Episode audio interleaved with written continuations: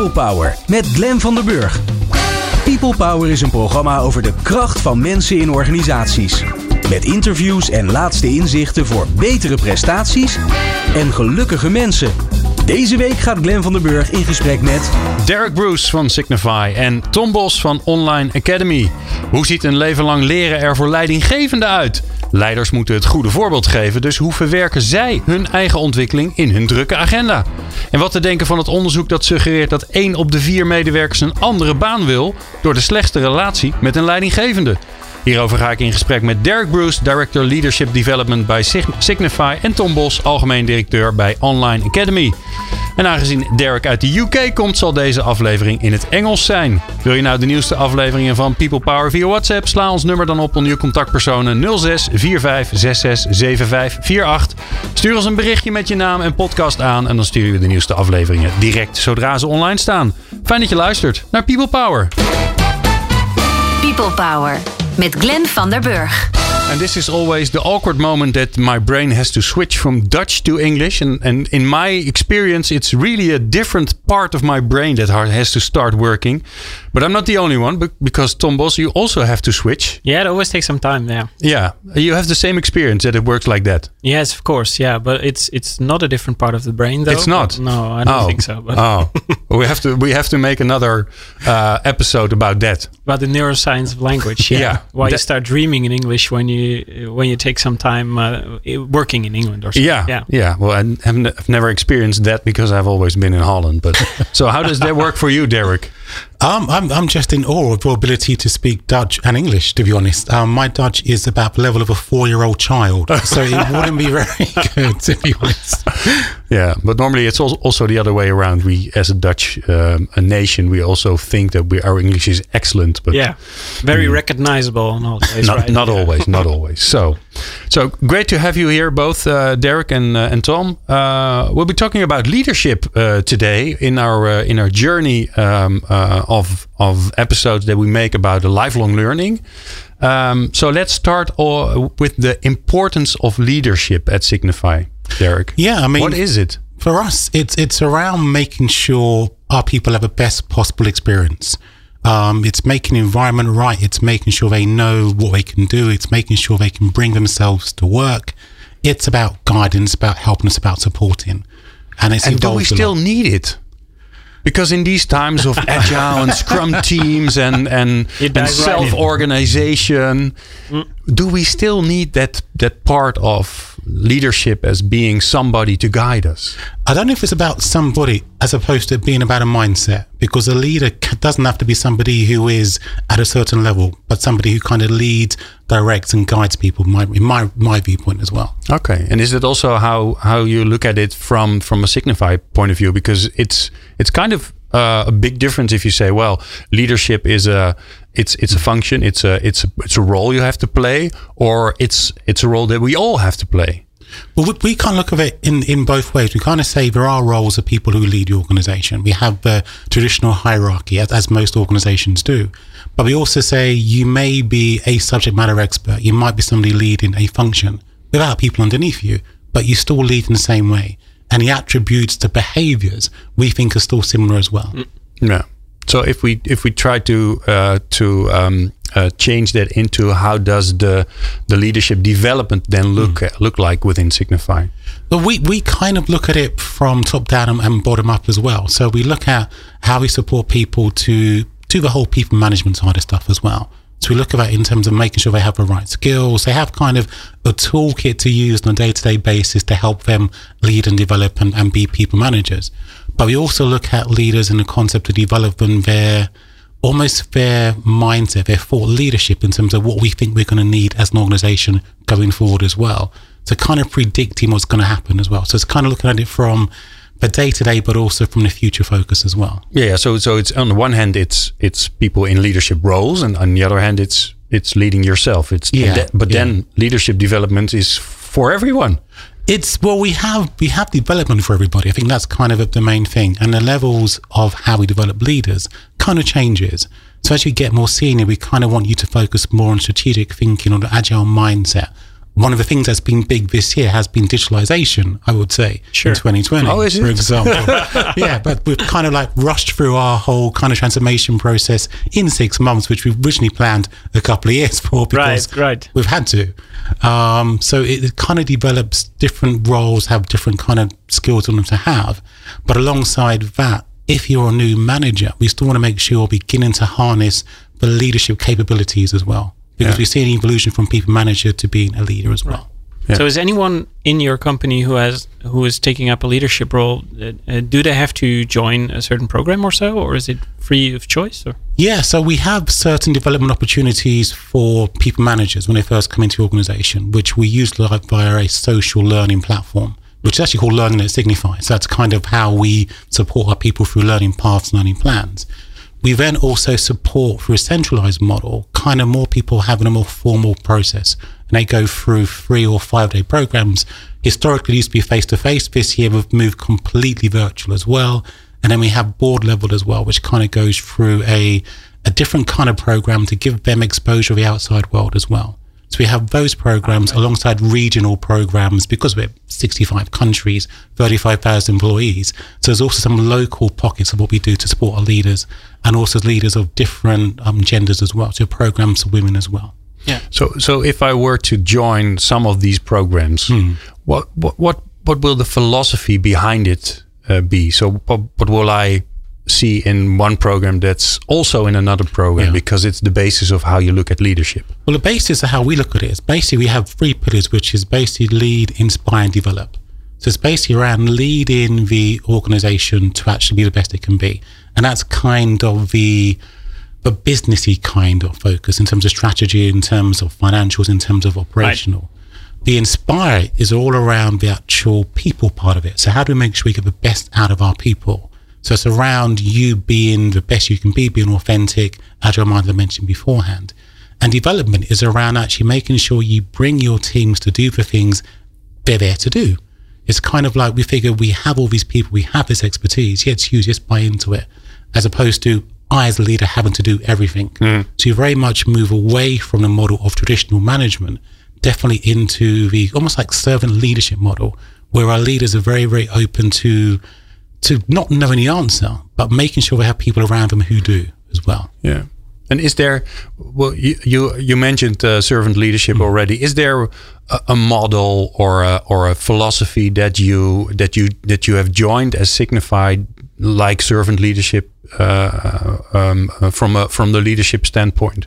Um, it's, there's not one model per se. We, we tap into what we think we need at a time. So we use different organizations we work with, but it's kind of more around what we think we need to signify because we're still we're a hundred and like twenty seven year old startup in essence. It's a really weird place to be. Um, It's time to scale up now. then. yeah, so, so it's After kind of like you such a know, time. so we've got this awesome background and history with Philips Lighting, but with Signify, and we've got a different business model. So in terms of what we want, it's very much, as I said, around lead, develop, and inspire, but very much around agile mindsets as well. Right. You mentioned agile as, as a principle. That's something very much which we tap into in terms of having people who are self-steering, having people who kind of can be left to actually do what they need to do, not having leaders who have to be the ones who direct all the time as well. And when did this transformation start? Because it's qu- quite a difference between uh, telling your people what to do or or taking care of your people. eh? Philips is a really uh, the history of Philips is also of taking care of your people, building houses, uh, making sure there's a there's a great football club. Some people think it is. Um, Depends where you live. uh, uh, so th- so from that background, if you have to make the shift towards, well, we know that uh, we have great people and we have, just have to facilitate them to do their job. That's a big change. I think the change is also because the industry is changing. So if we look at lighting itself, Philips was this awesome company, made the LED sold bulbs. That was basically our model. If we look at now what we can do with lighting, the Internet of Things, the move towards Li-Fi, for example, we realize as a company that we may not have all the answers, and some of our people may do. It might be some guy who's a 27 year old person working out of an office who knows and has got this passion for building these certain aspects of internet and how you use lighting as well. So it's kind of being aware that as leaders, the evolution of the industry, we need to match that as well. And the way where Philips Lighting worked before, which was really good for the times, doesn't really fit a model of a company which is also thinking forward, forward, forward, forward all the time as well. Yeah. So if you look at leadership and the word development is already in, in the three uh, philosophy words, Yeah. what role do leaders have within the development of their people? I think for us, it's around enabling it. It's around making sure enabling, but it's also around making sure it's self managed. So we've moved away from the, even before 2020, we moved away from the traditional, we're going to train you kind of Right. model when it comes to development. It's, we're not going to send you to a room, give you biscuits, a flip chart, some post it notes, and you can have a wonderful lunch. It's not that kind of stuff. Oh it's very God, much, yeah. we use the 70 20 10 principles. We don't use the numbers, we use the principles.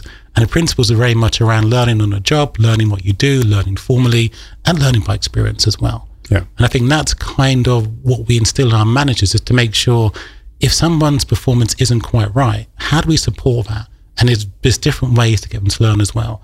But for us, the key thing is to learn by doing and also to share what you're learning with your colleagues as well. And that's kind of what underpins our, our learning platform as well. Yeah, and it all sounds really logical. That that uh, of course a, a, large part of what you are learning is by doing it and trying new things out, making mistakes.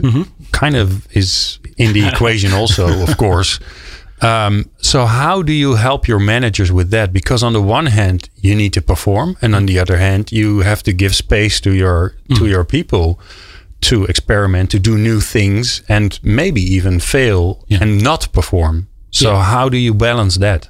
One of the one of the things we've done recently, I think, it was the end of 2018. We had a really good session with somebody called Amy Edmondson, who works for Harvard, and she was taking a lot of our leaders through the principle of psychological safety, which is kind of being able to have a right environment where you as a leader feel comfortable if you fail first and foremost, Right. but also making sure if your people fail, it's not around oh god no, but what we're going to do is kind of right. What can we learn from that so we don't do it again? What can we take forward?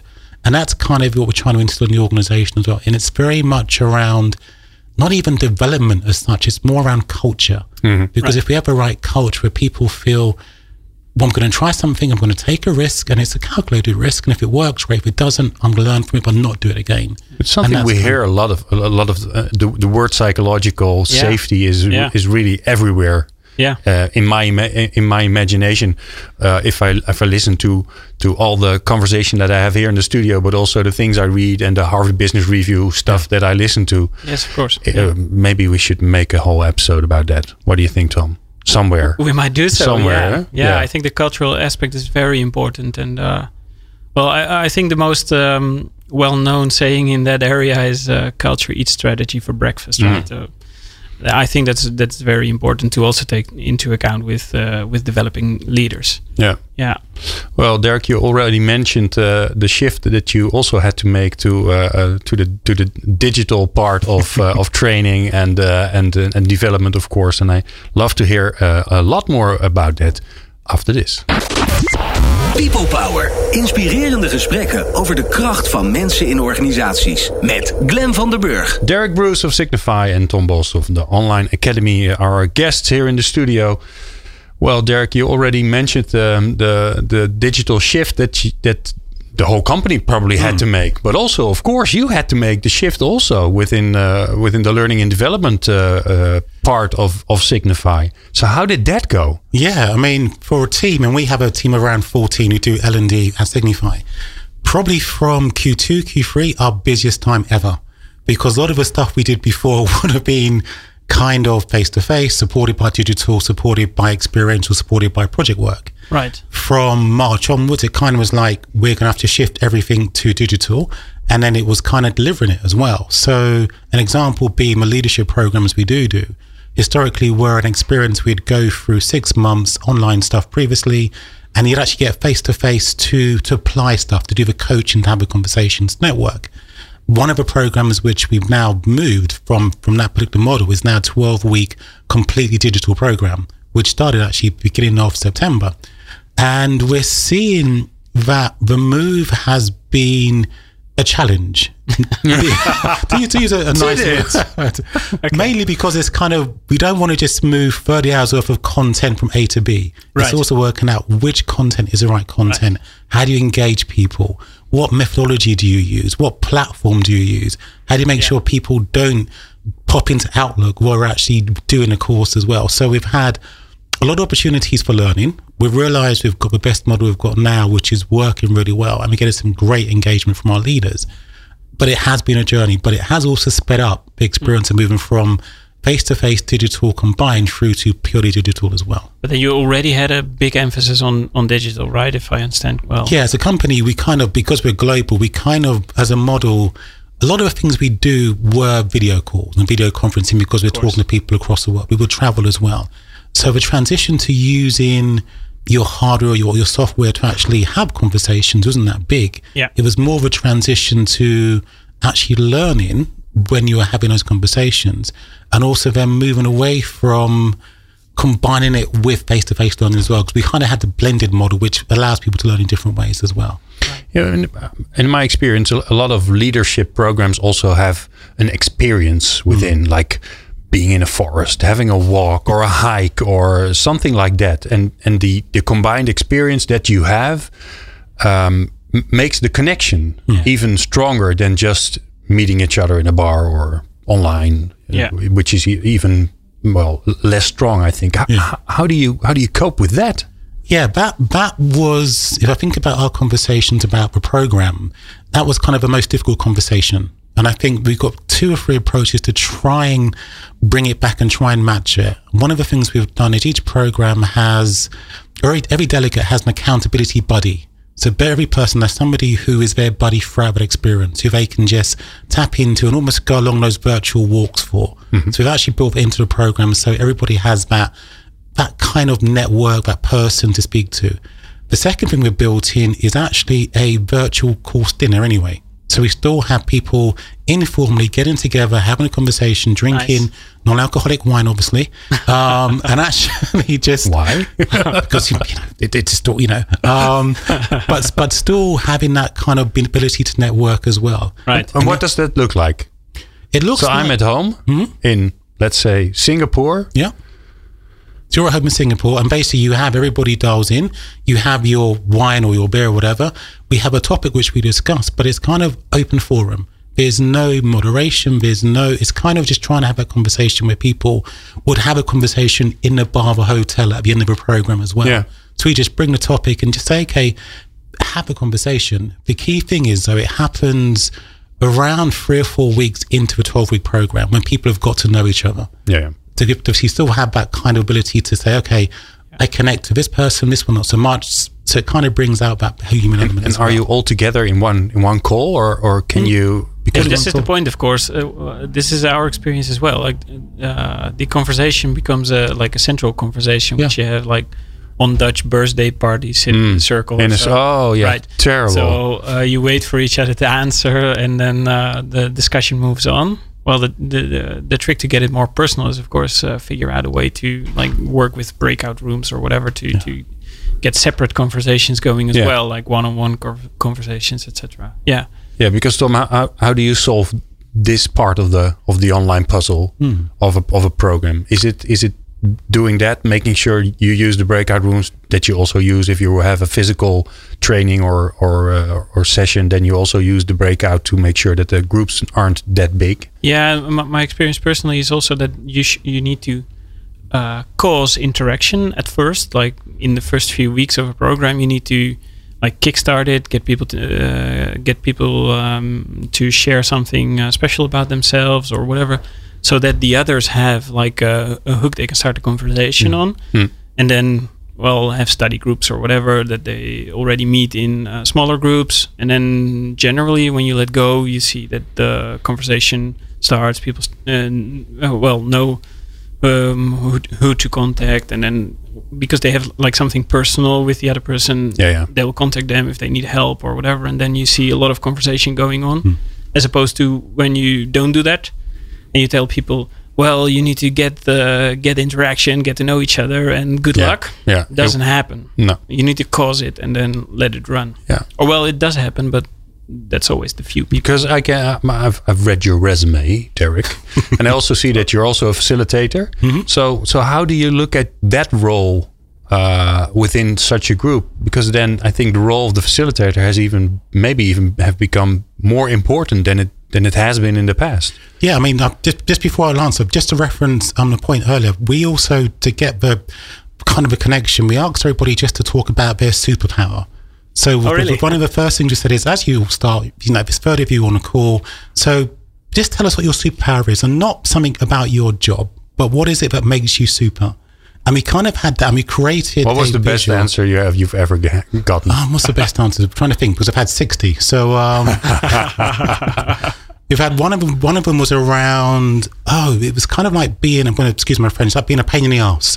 That kind of was also Oh, really? That was the questioning things. Okay. Yeah, no, it's a person who kind of always cool. questions stuff to Right. make sure we're doing the right kind of thing. I can't think of another way to articulate. Right, right, Oh, right. it's- Um, so, but it's- don't offend it's clear. anybody. Um, You're in Holland, no worries. um, but yeah, but that also then helps people then connect outside the context of a business kind of mentality as well. So we did that as a as a kind of interest getter. Yeah. But in terms of facilitation, I think the thing which has been most interesting has been the need to keep an eye on everybody and the need to then make sure your energy is actually radiating through what people see and hear. Because when you're walking around in a room and you have your persona and your body behind you, it's quite easy to do. When you're Yeah, because then you feel it. yeah. You feel, oh, here's a dead spot. This is not working. Yeah. They're staring at each other or Right. they're fiddling with their phone. yeah, yeah. Oh, wow. Yeah, that, that's never happened to me, but I imagine people that's happened to. Yeah. um, but alongside that, you've also got the we've made it mandatory, and it sounds so simple. Everybody has to switch on their camera, yeah. and I know it it sounds obvious, but if you have a camera on and people have it on, and are also tempted to say, as well as your camera, switch on your mic as well. You then have people who know that they have to engage on that particular image as well. Right.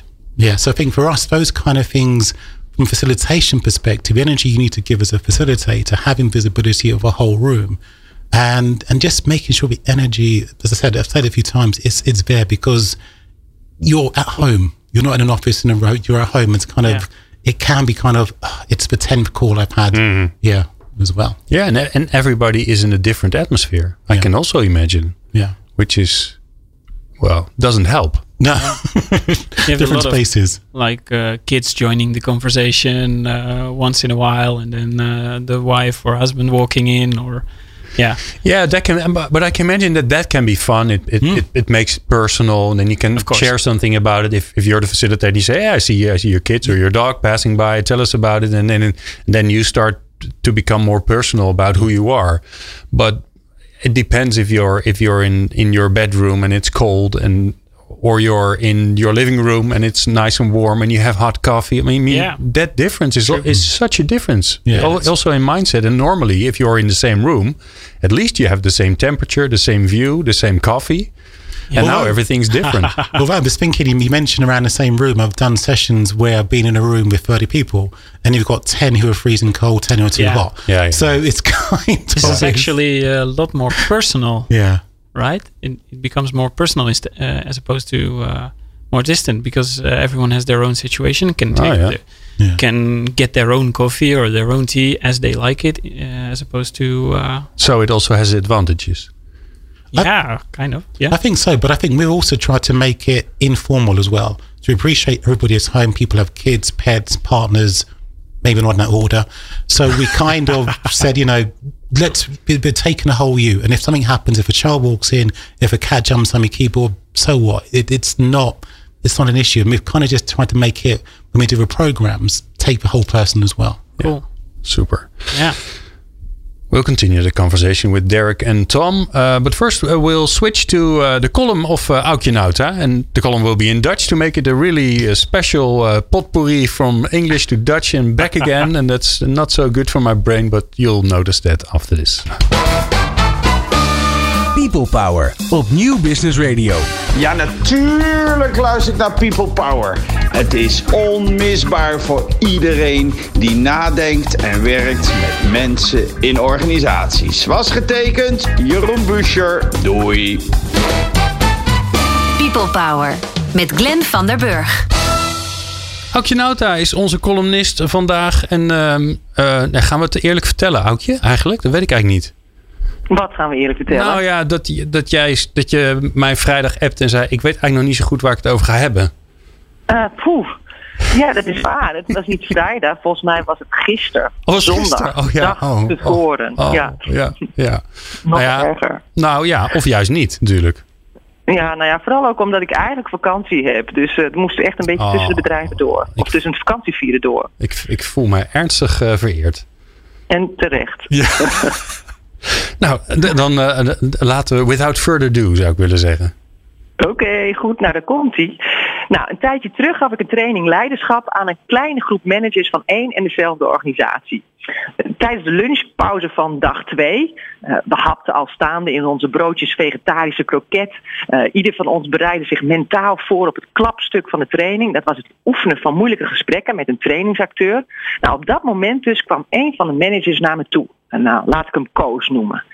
In het startgesprek had Koos me al laten weten dat hij deze training vooral deed voor het opbouwen van een intern netwerk. Hij was wel, dan wel nieuw in de organisatie, maar hij was ergens anders al lange tijd manager geweest. Dus eigenlijk had hij niet meer zoveel te leren, had hij gezegd. En nu kwam hij dan naar me toe om te zeggen dat hij niet ging meedoen aan het onderdeel moeilijke gesprekken oefenen. Hij was immers al mega ervaren en hij wilde zo zijn cursusgenoten meer tijd en aandacht gunnen om te oefenen. Aha, was mijn eerste reactie.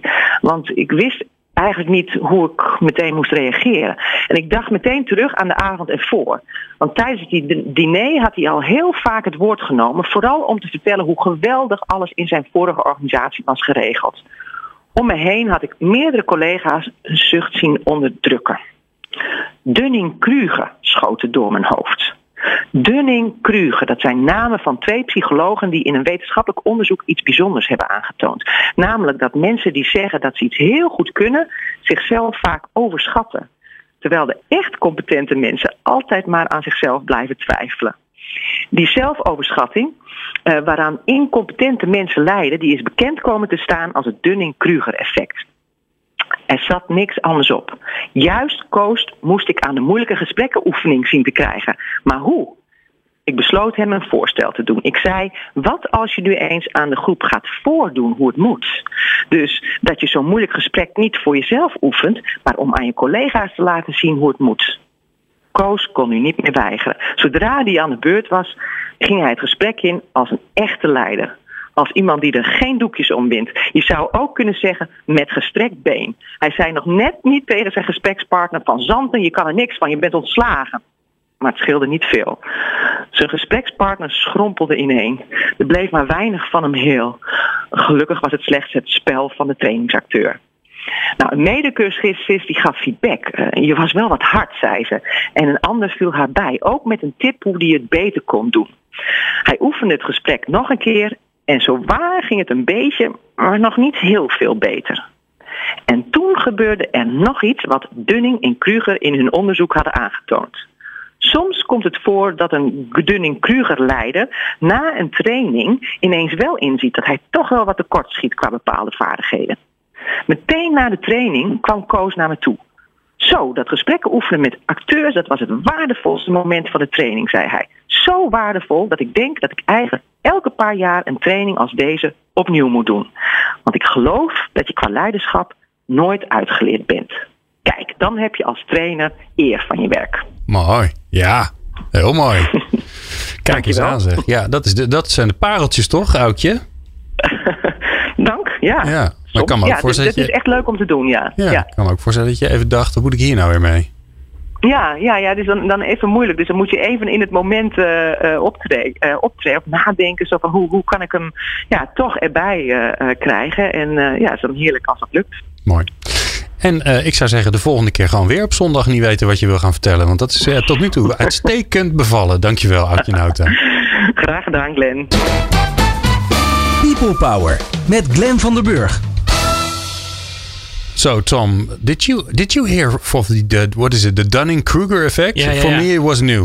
Uh, It was, new, information. Yeah, yeah. I, I think Aukje did not mention the the shape of the model. So if you if you Google it, you'll see it has the kind of a similar shape as uh, as the Gartner Hype Cycle has.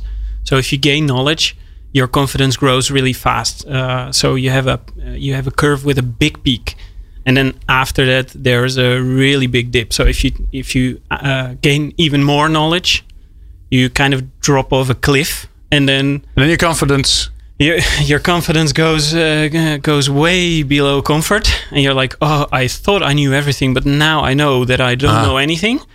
And uh, that's well, that's the point what she mentioned. She actually kind of pushed him off the cliff, uh, so to speak. um, yeah, we. But uh, this is important because there's really, I think there's a really dangerous thing in the current way we gain knowledge because we gain knowledge really quickly.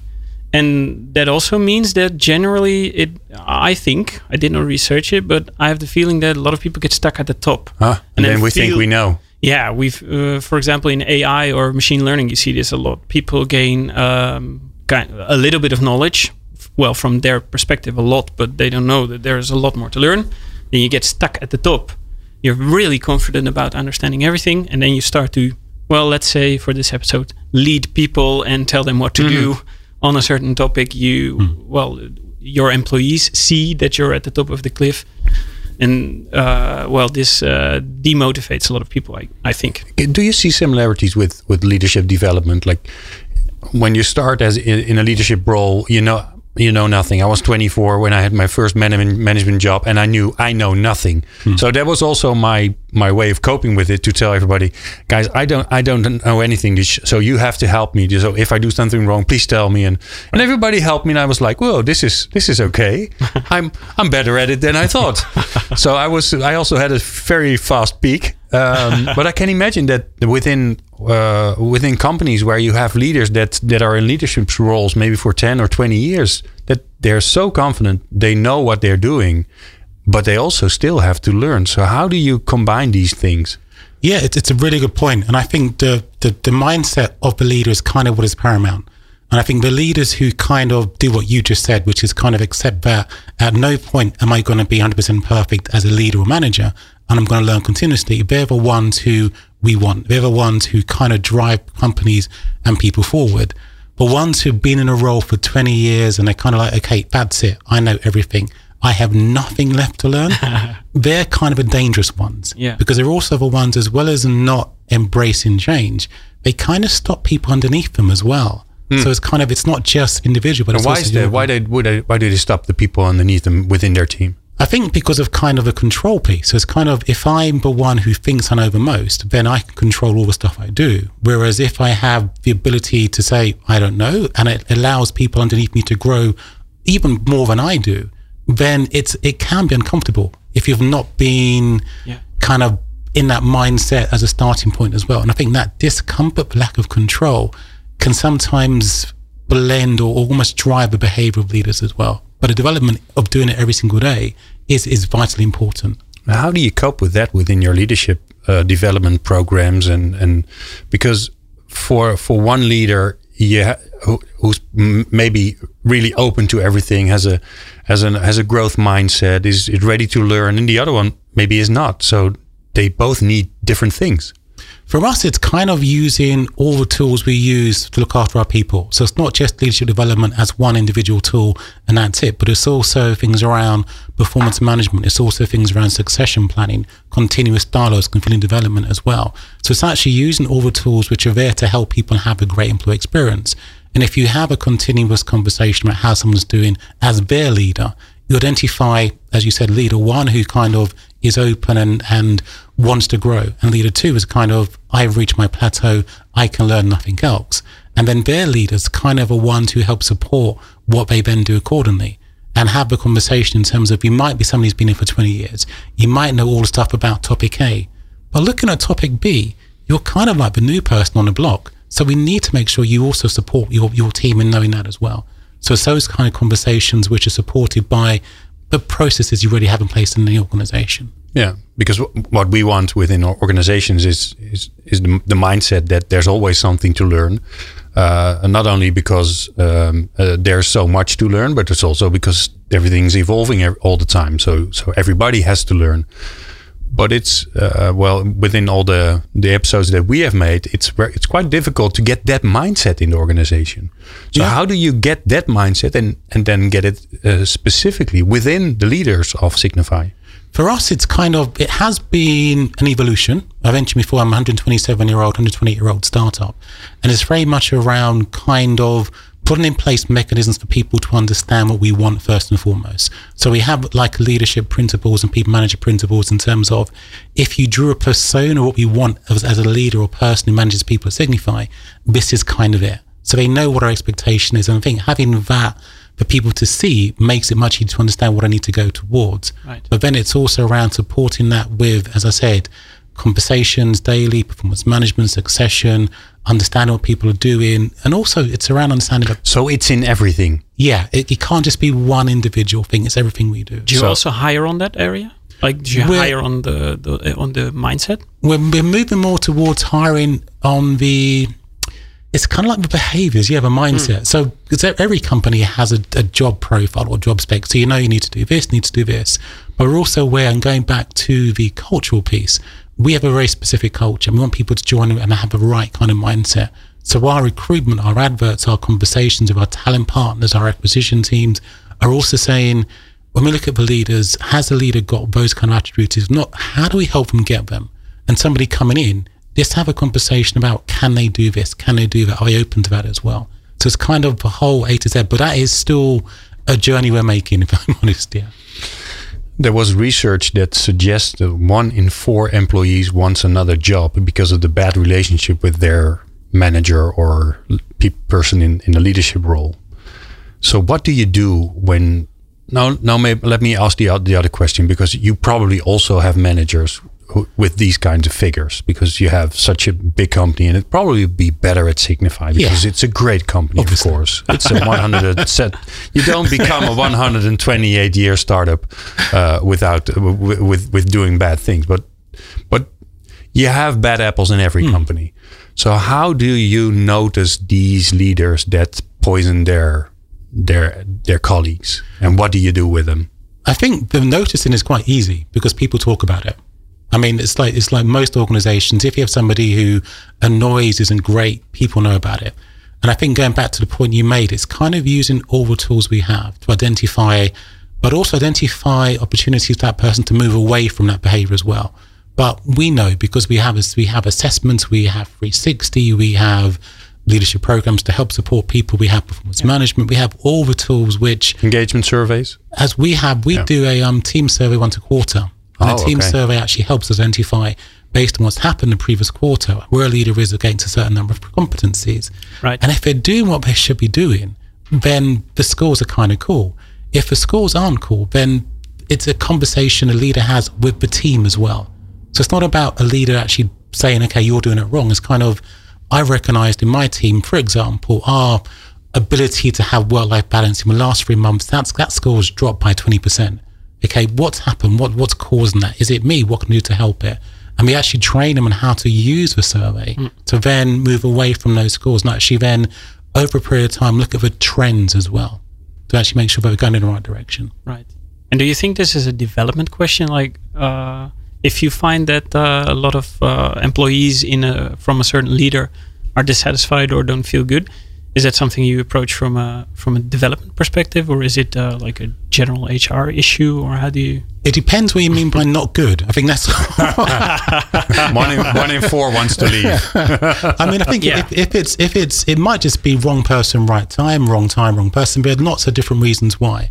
And if I think back to a company I've worked with, it was a leader who was very is great at what he did as a subject matter expert. But when he was responsible for a team, he kind of after a few months realized this isn't for me. I don't want responsibility, and he actually stepped away. Right. Um, now that doesn't happen often, Wow. but I must admit, the guy who did it, I was respect you because you made a decision which you think is right for you, Yeah. the team, and the company. I think for us and most companies, it's kind of if we see this trend, if there's like low team survey scores, low 360 degree scores, if there's a high attrition on the team as well, if people are coming and going very quickly, hence you're one in four, Yeah. then it is a conversation in terms of is this the right role for you? You might be great as an SME, but also you might be better as somebody who's an SME without a team. And I think, I don't know if you've experienced in your roles, there's kind of a Friday night, you're the greatest salesperson in the company. Monday morning, okay, have that team of seven people because you're a great salesperson. Yeah. Without thinking, did you actually want to manage people? Did you want to just carry on doing this? So we also, as a company, try and move away from that kind of promotional kind of model Yeah, as yeah. well. Yeah. Yeah, this happens a lot, right? Because you want to keep those people engaged as well. They're they're the top expert. They have not that much left to learn in their field, for example, and then you you start to offer them a leadership job, which is an, an entirely different job, of course. Yeah, mostly in uh, in technical areas, you also see that they n- Mm-hmm. not necessarily possess the the skills uh, to move on. Yeah. It's time for the final question. And Uh oh. I, I have loads of them, but I think I'll give the honor to you, Tom. Do you have a final question for Derek? Well, well, in the short break, I asked him a question, which I can ask again. And Do you think and do you think he can answer within two minutes? Within two minutes, yeah, you probably can. But Oh, the, the okay. question is: is it is it a full answer or is it like a shortcut? So um, we'll give you a chance to elaborate later on. But uh, so the question was like, do you think that um, that there's any necessity for leadership development? Oh, it's a simple question to Yeah, right. Okay, so two to minutes. end with. Yeah. And there you go. So I think there's a need to make sure anybody who's responsible for people can make sure they have the right environment and the right situation. In terms of how we do that, I think the leadership development, especially exec education, needs to evolve and be much more further forward and think about different ways of giving leaders experiences they can bring back and use. And I think when it comes to development, there's a need that the, the focus isn't on the person who's been developed. The focus they then bring back is a focus on how the team and a company can evolve and actually be better as well. I think that's kind of where we're, we've been stuck doing the same thing for a long time Right, as an right. industry. Yeah, yeah, we spoke about it because the subjects like of a technical people, for example, changed a lot, and then it's very clear what you need to learn. You need to learn to work with APIs, or you need to learn well, whatever. In your case, IoT or something, uh, Internet of Things. And then for a leader, that's not that obvious, right? What you need to be developing, anyways, and Wow. those skills might not have changed that much. if we know that everything that we know about our brain, which we learned from a scientific point of view in the last 10 years, is more knowledge than we, we learned in the 100 years before that, or the 118 years, if you look at Signify, then we have a lot to learn. So, um, Definitely, yeah. yeah. Well, this was fun. Um, and it's was, yeah. and every time I have to do an interview, I have to. It's like it's a burden when when I'm when I have the ability, the the possibility, the opportunity to uh, do an interview in English, and it's also for me an opportunity to learn. And all, every time I do it, I I think, okay, I have to invest in this. I have to do this more, but also I have to invest in it to get better at it. So, Well, now you have two peers looking at you, so uh, yeah, thank you very We much. heard Yeah. Uh, Derek Bruce of Signify, um, thank you very much for being here. Um, uh, we'll probably see you again, I guess. I, I don't think this is the first and the last time. Uh, Tom Bos, uh, I, I know this won't be the last time for you because we'll see you in, in probably about a month. Yeah. Um, and then uh, we'll talk further about long, lifelong learning. And then in Dutch again. En voor jou, dankjewel uh, voor het luisteren. Fijn uh, dat je hebt geluisterd naar People Power. Uh, de volgende aflevering, want die is er natuurlijk ook. Gaan we, hebben we een mooi thema. Uh, want we gaan het hebben over zekerheid en onzekerheid. En wat dat eigenlijk allemaal met ons doet in ons werk. Uh, en als je meer wil luisteren, kan dat natuurlijk op peoplepower.radio. Meepraten of meer programma's? people-power.nl